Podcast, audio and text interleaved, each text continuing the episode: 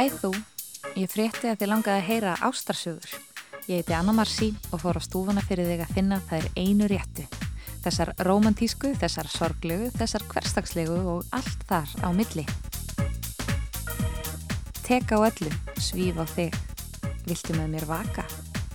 Þúsund sinnum segðu já.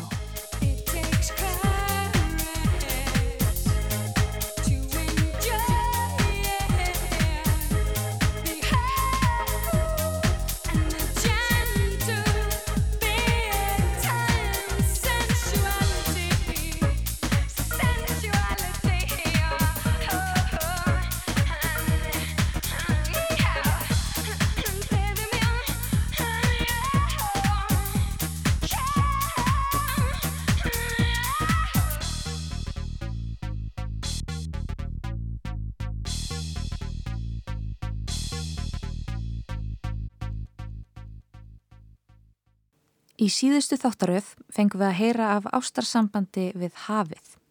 Það er því vel við hæfi að í þessari seríu sé saga úr sveit. Þú getur jafnvel valið að hlusta á þær í einni beit í hlaðvarpsappinuðinu hlustandi góður. Gengið yfir sjó og land, hirt af bæði hafi og haga. Ég hafði reyndar reynd ekki séð sögu dagsins fyrir mér sem óð til íslensks sveita uppeldis. Þetta áttu bara að vera fæðingarsaga. En stundum, þegar sögumæðurinn er góður, tekur frásögnin valdið úr höndum dagskrárgerðarmannsins. Hlustum á Eirík. Ég fættur á alveg upp í sveit, ólstöfu bæ sem heitir Kolsólt og er í Villíkahólsreppi sem að þá hétt og heitir núna Flóareppur og ég var sko fjóruða kynslu á bænum, það var langa og langa, maður átti heim í langum húsi og svo áttu ég og pappi og mamma og Siggi bróður heima upp á lofti af að húsi og af og amma niðri og Sigur hún föðursýsti mín sem er nýjárum eldin en ég. Þau áttu heima niðri og, og þetta var svona þetta klassíska bændasamfélag. Ég náðu svona restin af þessum bændasamfélagi. Og ég átti að leggja á skil og allt þetta skilur og hérna týndi hagalagða og, og sló mig orfi. Og, og þannig að ég er svona þessi kynslu sem er bara hérna að deyja. Þeir deyja bara með mér þessi menn sem kunni þetta Sá ég spóa, suðri flóa, syngur lóa, út í móa. Sá ég spóa, suðri flóa, syngur lóa, út í móa. Sá ég spóa, suðri flóa, syngur lóa, út í móa. Þetta var á þeim tíma frekar stórt bú og mikið umleikis og ofta sömri mikið af fólki yfir krakkar og, og alls konar aðstóði í heiskap og svona og kannski voru daganir margi hverjir öðrum líkir skiluru og maður fór ekki í leikskóla en þetta var bara alltaf heima heima upp á lofti með mömmu eða út í verkum gefa hænunum með afa og, og langafi var nú eða árin blindur þannig að það kom svona í minn hlut að leiða hans svolítið um og gefa hænunum með honum því hann hafði þann starfa að henda í hanan því að hann var svo grimmur. Og svo stóð langafi með prigg og, og átti að berja hanan þegar hann kæmi og svo sá hann alltaf ekki neitt en þetta, þetta er svona það, þá heimur sem ég ólst upp í Vorið er komið vist á ný. Maður komst ekkert og enda var maður ekkert að fara. Það var ekki mikið á krökkum í nágræninu, það voru eldri börn á næsta bæ sem leku við mann svona af ykkur svona meðöngun kannski. Þau voru fjórun til átt árum eldri við, þannig að við vorum á þessum tíma er þegar ég er sex ára og Siggi er fjögur ára, Siggi bróður, fjögur ára gammal þá er þessi krakkar náttúrulega komin í skóla við, mikið verið skóla, það var engin grunnskóli. Ég er sjö ára gammal, ég fyrir vorskóla bara eina viku og svo byrja ég í skóla átt ára gammal og ég lærði bara að lesa heima bara með bandprjón gamla aðferðin. Ha, þá setur bara satt amma bara og bent á staðverði með prjón bandprjóns aðferðin. Ég var fljóður að læra að lesa þannig að ég var ekkert mjög lengi á prjóninum sko en, en þetta var aðferði sem var notuð Ég og Siggi bróði, við erum fæðið 65 og 67, ég er eldri, ég er í abriðann í júli og svo pappa og mamma, ungu uppræðandi bændur, pappi hús með mestari, mamma búin fara að lauga vatn. Þetta var svona alveg ídjál fólk þegar það fari í sveit, gáttu gert allt. Afi og amma voru niðri og föðursýtti minn, afi minn Sigurður, hann var þúsundtjala smiður, hefði kannski ekki átt að verða bóndi þó maður verið mikill skepnum með það, hann var smiður, hann smiðaði nakka og og allt lék í höndunum á honum og amma var þessi klassíska húsmóður sem að það var alltaf heitur bakarofnin það var alltaf kökulegt hjá ömmu skrítið.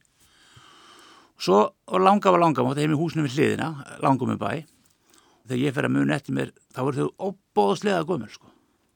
Og afis ekki, hann er ofsa gammal en á þeim tíma þá var hann yngri ég núna sko, ég er bráð ungur.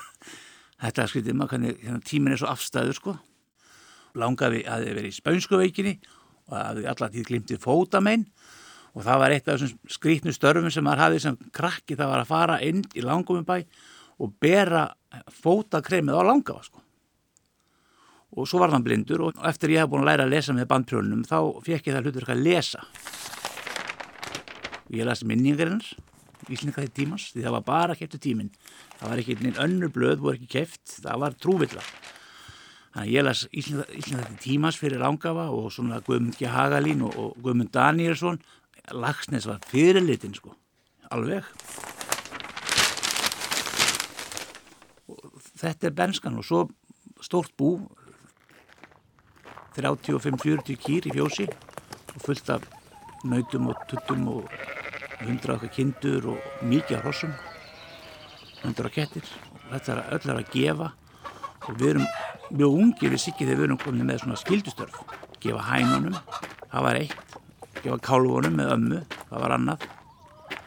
Og svo þegar að slá í kálvana þau fór ekki út nöytin sko.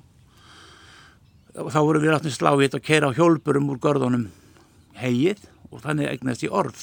Og ég fann að slá með þessu litla orfi 6-7 ára gammal sko, alveg flugbeittu flugbeittu sko. Þetta væri alltaf hann held í stórgord og, og barðarinn kemur strax í málið þetta er gert í dag. Og svo eftir sem maður eldist þá aukast skildur og ábyrð og ég er 10 ára gammal þannig að gera traktor 11 ára gammal þannig að gera landróðurinn og villisinn. Og sömurinn sem ég er 11 ára og þessu vill mamma ekki mun eftir sko. Sömurinn sem ég er 11 ára þá er ég að raka saman á landróðurnum. Og þá eru við orðið fjóðsískininn Ramvi fætt 71 og, og Sigurdi sýstir mér fætt 75 og þetta er 76 og ég er 11 ára gammal og ég er búin að túna að raka saman á landróðunum og við erum öll í bílnum. Sigurdi er einsás í bílstól og Ramvi aftri og Siggi og fleiri, og fleiri krakkar sko, og fullt af hundum. Svo keir ég bara svo höfðið ekki ring eftir ring og raka saman fullan bíla krakkum og svo erum við að býða til vagninum til að koma að taka hegið sko. Þá er fólk að leika sér í, í heginu og það var ofsa gaman svo skipti maður bara út í, mó, í múanu bara ekkert mál þetta var bara þetta var bara dagurinn. Svona var þetta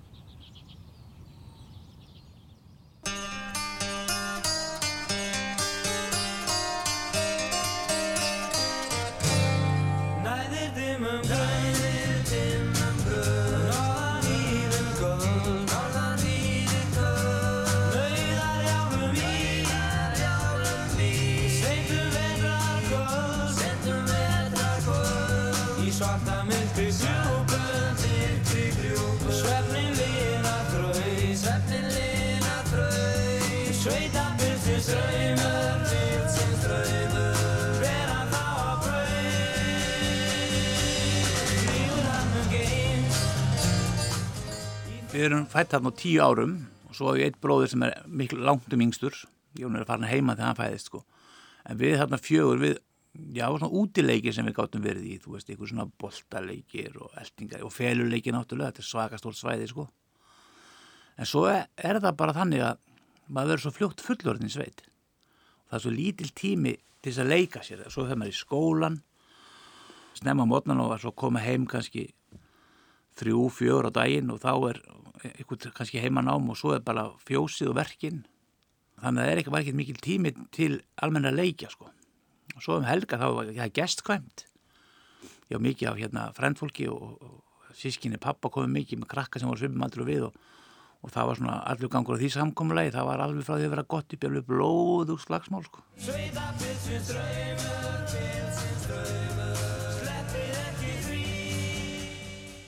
það er bara svo gengur, við vorum heimaríkir og, og, við, og við áttum náttúrulega allt skilur þess að það var, heldum við ættum allt. Áttum náttúrulega ekki neitt skilur nema bara slitt ótið okkar. Svo fóðum maður náttúrulega í barbi og svona til að halda friðinn sko. Og við lituðum mikið, teknum og lituðum mikið. Og þetta var þeim árin sem við fórum fengum renninga í brennsmiðinni þannig var að pappi hefði verið einhverjum kunnískap við prentaran á Sarfossi það var þannig að það var klift sko, eða svona föt sem að, sem að bólur sem að úreldist og gekk af sér slitna og svona, það var klifnir í tuskur sett í póka og svo farið með þann pók út í prentsmiðu og í staðin fengum við póka fullan af svona blárklippum eða svona veist, renningum, utanlandskortingum og bókum og blöðum og svona. Þannig að við höfum ofsa mikið alls konar fallegu litum pappir og við gerðum mikið úr pappir teiknum mikið, litum mikið, kliftum út alls konar kalla og svona. Og það getur mann að gert þó að sér aldursmunur á krökkum sko. Byggum til svona eitthvað heim af klippumyndum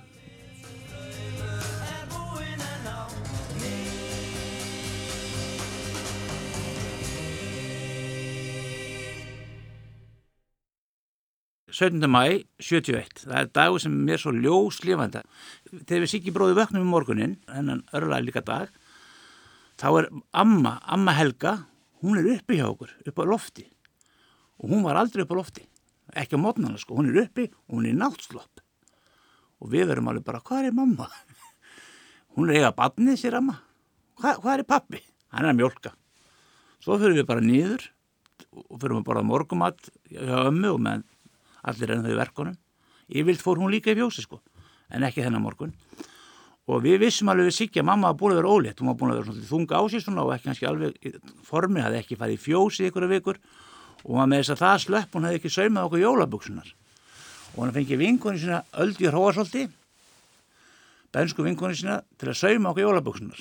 Og það eru sko það mestu buks sem ég fengið æfinni, það var svo djúpir vasar á þeim, ef maður setti til þess að vasa nýfin í vasan eða stein eða eitthvað, þá var maður að fara úr þeim til að ná í, ná í steinin, það er svo djúpi vasanir. Það er nú kannski önnur saga. Einma hvað, já við vöknum áttum morgun og, og, og förum niður með um að borða morgunkaffið, morgumatinn. Svo kemur pappi bara inn og allir kom inn og verku fjósinu og, og það er eins og e, bara ekkert að við gæst. Við fyrir bara upp borðum meiri morgumat og svo erum við bara niður í á ömmu og pappi og afi fara út í verkin og við erum niður í þegar að gefa náttúrulega að gefa kúnum og sópa og allt sem það er í sveitinni. Og við erum bara niður í á ömmu og sigurunu, þá ringi síminn. þá var það gestur í villikvöldi það var alltaf sveitasími og gestur í villikvöldi var með síman hann segi við ömmu hvað er Guðjón? Þeir vilja tala við hann á spítalan þetta heyrið allt saman. Við vorum að hinga alltaf alveg ömmu sko. Og Sigrun er sendur að finna pappa og hún hleypur út. Sigrun föður sýsti mín hleypur út. Og ná í pappa verður fljót sér amma. Svo fyrir hún bara að spjalla við gest. Hvað sé að fréttu villikvöldi hvernig Greta hafið það og, og svona almennt. Og við erum að byrja til pappa og svo sjáum við að þau eru að koma, pappi og Sigurinn og þau koma hlaupandi, Sigurinn í svona útviðu skálmum við kvöldum það flugsbuksur flugsuðu svona, hún hljóp. Og pappi er langt og eftir hann hljóp ótrúlega hægt. Hann hljóp með því að eða aldrei nefnir að maður væri kannski að elda sko hrossi eða þarna hljóp maður bara ótrúlega hægt. Svo kemur hann inn og, hann, og amma segir já já hann er komin að Guðjón gestur minn, hann er komin, já ég blessaður og við beðum heils í bæin og svo tekur pappi síman og hann fer baka hurði í fórstofinni sími hjekk bara á vegg. Það var ekki dráðlust og við erum svona alveg að hlusta og, og við heyrum hann segja svona já, já, já, sæl já, já, það var nú gott já, já, já við sjáumst þá dísa mín, segir hann. Og svo kemur hann bara fram á því rauðri fram og það er að fara að spyrja amma og segja hún hvað sé og hvað og hvað og hvað, og hvað. það er stelpa, segir pappi og það er alveg rópa upp við sig og stökk og faðmann og, og svo faðmaður okkur sigga líka alveg ólega mikið, við skildum ekki því að faðma okkur eitthvað svona mikið faðma okkur og, og svona eitthvað. Og svo fær pappi sem á kaffi og svo fer bara út aftur út í fjós, út í verkin. Og við siggerum bara eitthvað svona ok, það komið stelpa veist, og við vissum náttúrulega hérna, að það er langt ángt og getur að leika við okkur sko. Svo erum við bara þarna og svo borðum við hátismat í ömmu niðri sko því að mamma hann líki til að elda hann okkur uppi. Við borðum niðri og svo þegar við erum búin að borða þá fer pappi alltinn upp og fer að vera sturt það hóttu alveg svaka merkist að maður fór ekkert í sturt á miðin degi sko. Maður fór bara í sturtu kannski að maður var að fara eitthvað. Eða var rosa skítur, það dótt í haugin eða eitthvað. En ekki bara veljum degi bara eitthvað triðdóður held ég eða eitthvað. Og hann bara fyrir sturtu og svo er hann bara fann í selfhúsbuksunar og betri blúsuna. Og ég held með þess að hafa sett á sig græna fröylsattin. Hvað eru selfosbuksur? Já, það eru, það eru betri buksur, það eru buksur sem að fór í þegar maður fór á selfos. Sko, kannski var þetta bara svona uník hjá okkur, við áttum, við áttum bara född sem vorum í heima og svo fjósafödd og svo voru það svona betri född sem maður fór ef maður fór á bæi, ef maður fór kannski að heimsækja einhvern annan krakka að fóra með mömmi hitt og kettlingar eða eitthvað þá fór maður í betri buksunar en ef maður fór á Selfoss þá fórum við í Selfossbuksur það voru sérstaklega buksur sem við fórum eða bara í á Selfoss að því fórum ekkert mikið til Reykjavíkur það Selfossbuksur og auðvitað átti pappi líka Selfossbuksur og afi átti Selfossbuksur og afi átti sko Selfoss hatt hann átti sko þrjá hatta. Hann átti sko hattinn sem hann fór með svona að var að fara eitthvað. Svo átti hann Selfoss hattinn sem hann fór með á Selfoss og svo jarðafarhattinn sem við kallum dauðahattinn. Það var svona svartur.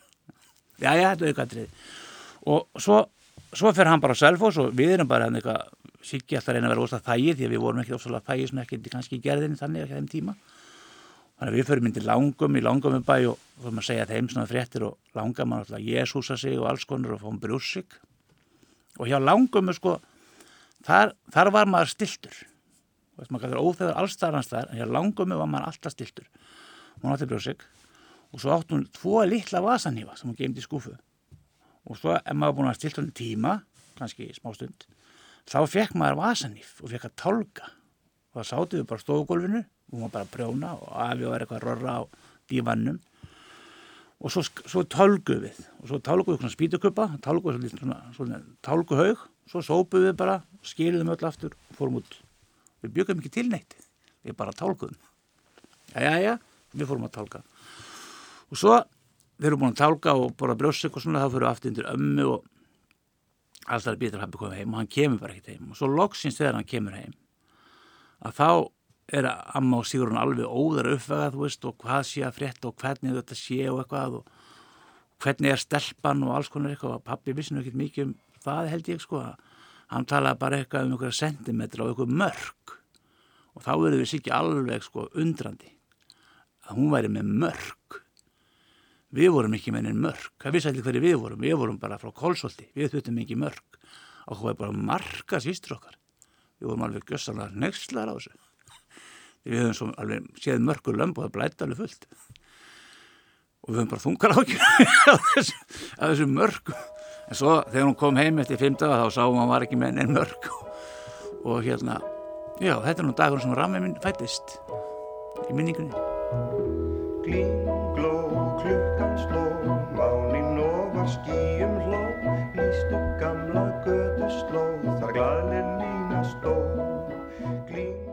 Já, svo þegar hún kemur heim sko, hún var sett í blindramannakörfuna það var sko bastkarfa sem var gemt um Hannibalka sem börn voru með, það var að sofa í sem var gerð á blindramannafélaginu. Þannig að hún var sett í blindramannakörfuna hún var óskup lítil, hún var öll svona einhvern veginn svona bleik og glæri alveg kvítt á henni hárið, hún var ekkert líka okkur sko, við náttúrulega með að eldri séð svona litla stelpur þannig sko. Mamma hefði voruð í tíma fyrir okkur sko Já, við alveg hengum á henni það var enga tíma til að sinna okkur. Við vorum, fengum að gera alls konar sem fengum að gera annars. Við fengum til þess að fara út á svalir. Já þannig sko við um út upp á lofti og það voru svalir sem voru ekki svalir þetta var bara svona skúrbygging sem var byggð út úr húsinu á bárjafstak og kallað svalinar og það var ekkert handrið sko. Það var svo mikið sko lausung þegar Rami kom heim við fengum bara að leika okkur á svölunum sko. Og það við fjórum metra niður við gáttum fyrirgefin ímislegt fyrir það sko, fá við á svölunum. Svo setna sko með svalinar því að öll börn var að sofa úti jáfnvel enda öðru börn var að sofa úti og það var svo mikið vesen að vera með barnavagn. Það var lítið pláss einhvern veginn og ekkert að geima hann úti. Þannig að hann var geimdur sko við svalahörðina og svo þegar Ramma ætti að fara að sofa úti þá var vagnin settur út á svalir og bundin við krók með bakkabandi svo hann fikk ekki út af. Það voru ekkert handrið það er mjög gullt bakkabandi mann rosa vel eftir þessu það var að binda vagnin og við möstum að íta svona það er ekki öruglega alveg fastu sko.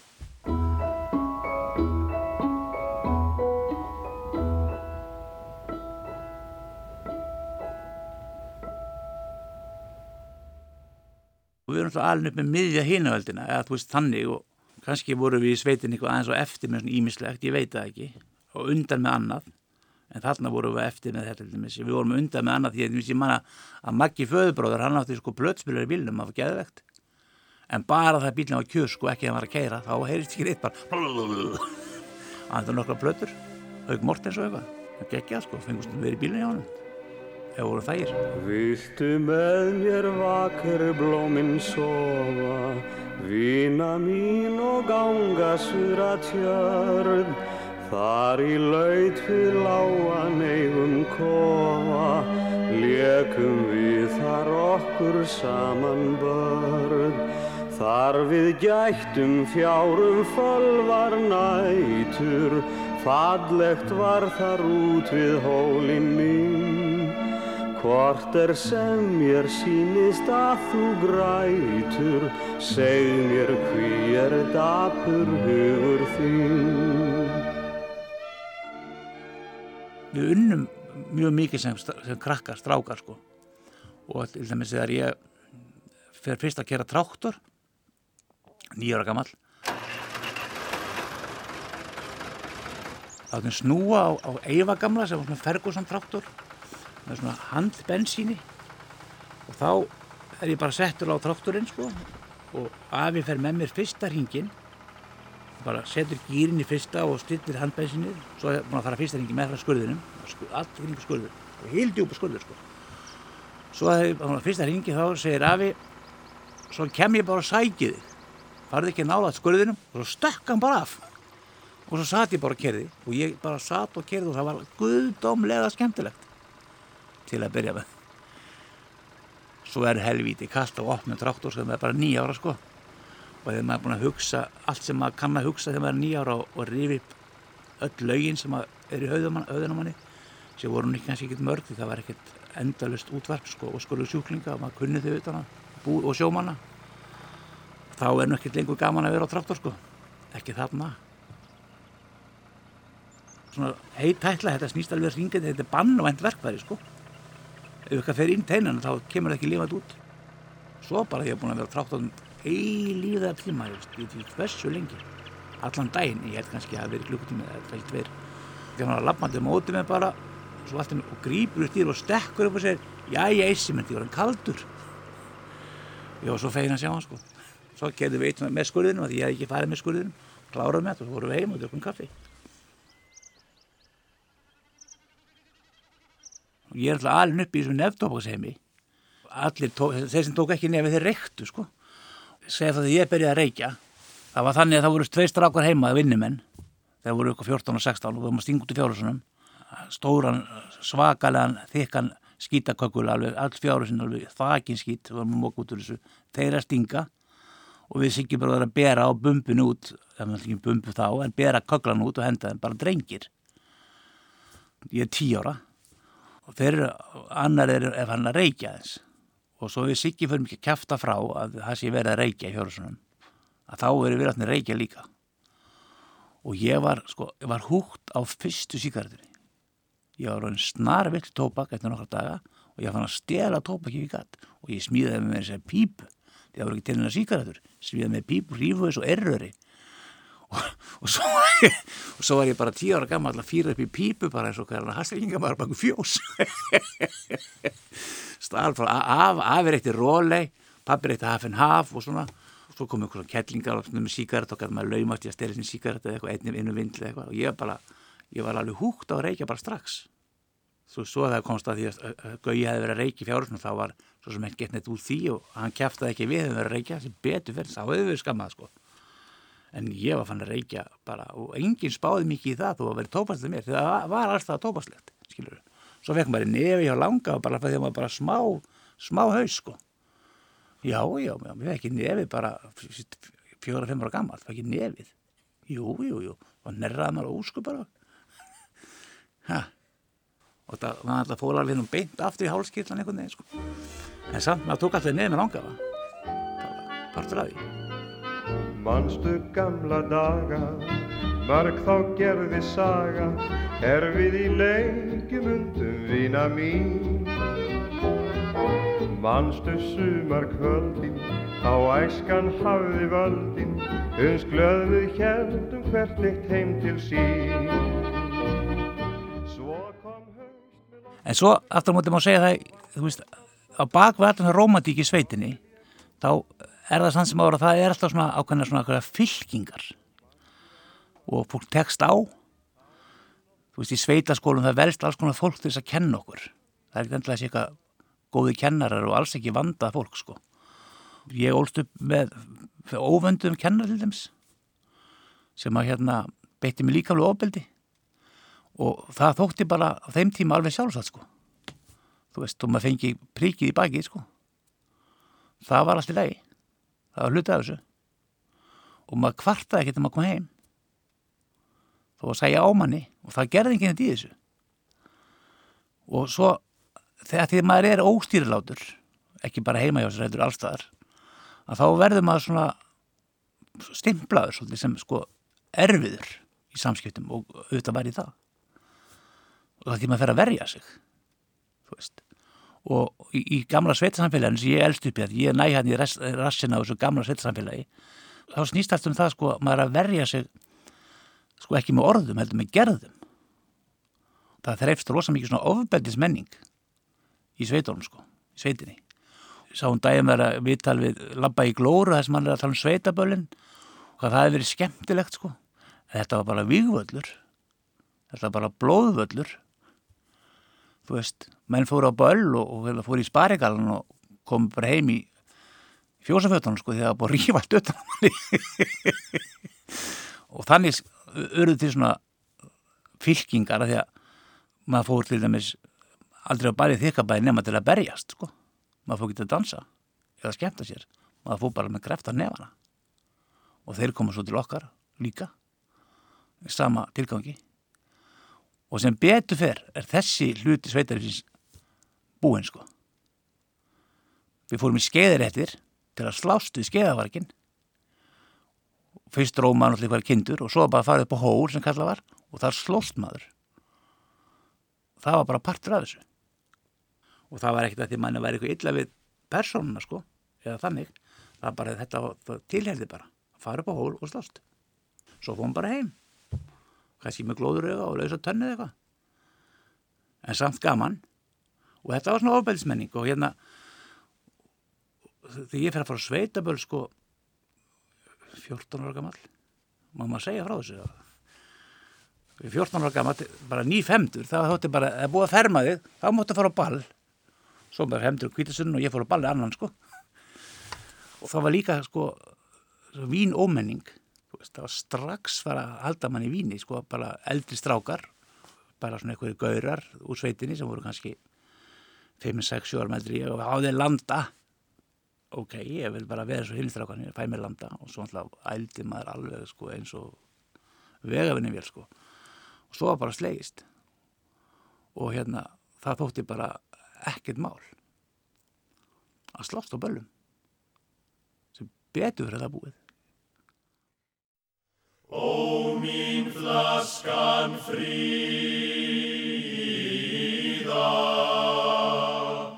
flest ég vildi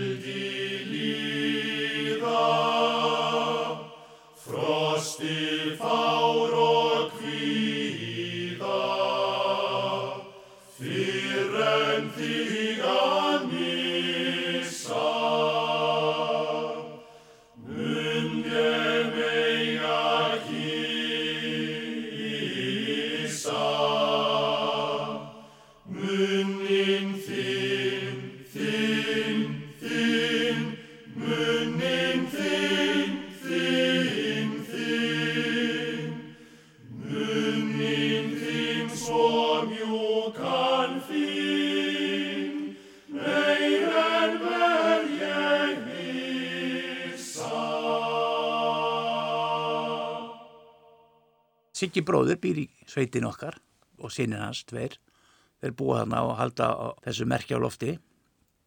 Fjölskyldunar Siggi og Guðjón sonur hans sem er þá 50 og svo Sigurður sonur Guðjón sem er þá sjötti ætliður já, já, þetta er ennþá svona fjölskyldu jörð sko, það sem eru þrjár kynsluðir ennþá og verður vondi eitthvað áfram. Það skiptir mig máli að geta komið ángast það skiptir mig máli að, geta komið þarna og, og og gengi aðeins um og að því að þarna eru sko alls konar töfra heimar sko undir að veröld benskunnar og ég skal segja það til dæmis að, að ég var, var rosa svektur yfir því þegar ég komst yfir bækunar um sama ylving sem er svona skáta sögur það var ekkert skátafélagi sveitinni, það voru bara ungmannafélag og þeir voru alltaf að hlaupa í ringi og stökk í sand en sami ylvingur, hann var að leysa glæpamál sko. Og hérna, það voru vondir kallar og eitthvað svona og ég þráði vondakalla í sveitina og svo fannst mér hlaupa rosa á snæri hjá mig þegar að þegar gæsa skiptun að koma haustin, þetta hlýta vopnaðir menn, þetta vera stór hættulegir þannig að maður fór að ofan á nætunar og út og skreiði skurðum og sjá hvað þetta væri ekki að, drefa eitthvað og svona og þannig að voru, þú veist, þetta eru já, rababaragarðurinn sem var ævindri heimur á sinn hátt skilur og, og litli bletturinn sem var átt í sitt leggjabú leggja skél og hotn og allt þetta og málaði ykkur litum og ég menna þetta er bara svona hluta mér sjálfum sko. Hluta því sjálfi sem að ég er í dag það er þessi, þessi heimur sem að ég ólst upp í. Og það er það hjá okkur öllum ég menna þetta markerar vonandi hjá flestum eitthvað það sem kemur úr. Og ég átti mjög goða bensku sko. Mjög goða bensku og hérna þó ég hefði það stundum haldið fram að ég hef verið mest skammaða barn á Suðurlandi af því að ég hafði sko langa og langa með á ömmu fóröldra mína og föðusískinni í að skamma mig og mikið að gesskomandi fólki sem fannst að þurfa að eiga svona smá hluta í uppeldinu. Þú veist það þurfti alltaf að hjálpa stað Nú er þetta þannig að þegar ég er alls upp þá tók heiskapurinn sko allt sumarið. Maður kom heim úr skólanum beinti að móki blástaran í, í votei fram í september sko.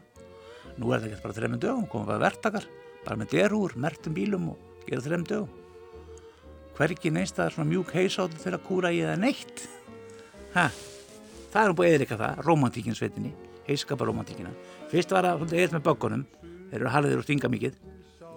Svo rúlunar nú er þetta alltaf bara eitthvað vertakar það er engin romantík, það er ekki gaman að vera 14 ára skotinni stelp í sveit er öðruvísi allavega. Og lítla blómið fagra er við fundum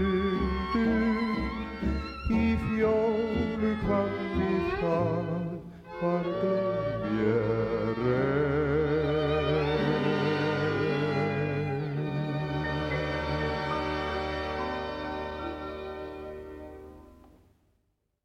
Sko ég hérna er í sveitinni alveg til þá ég 16 ára og flutt þá er sendið mentið til Reykjavíkur fór í mentskóla og ég var rosa fegin að vera laus úr sveitinni þá sko. En svona eftir að higgja þá var þetta alveg frábær tími og alveg forréttindi að fá að alast upp í þessum heimi sko. Þarna voru við bara allan saman 24-7 sko.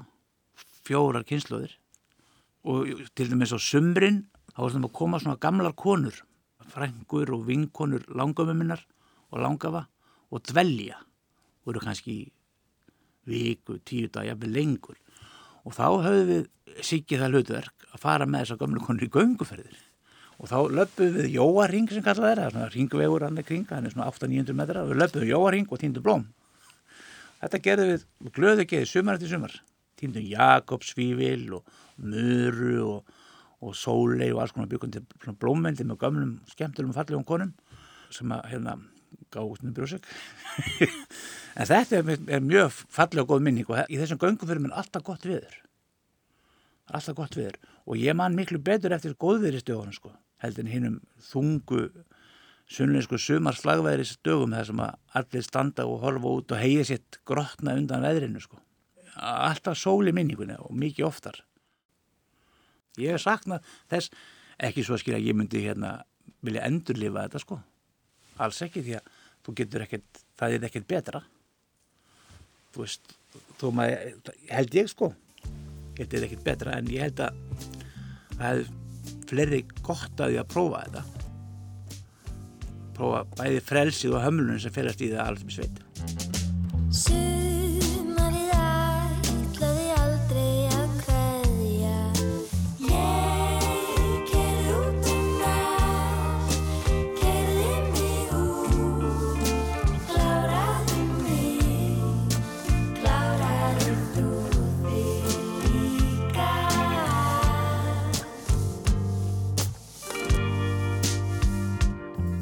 En sama hvað, hljómsveitin Supersport.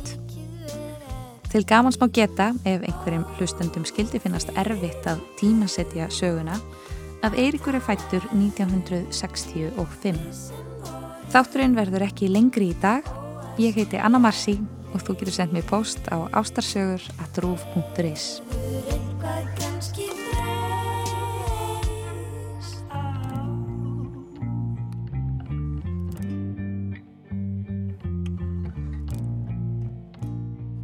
Ástarkveðjur.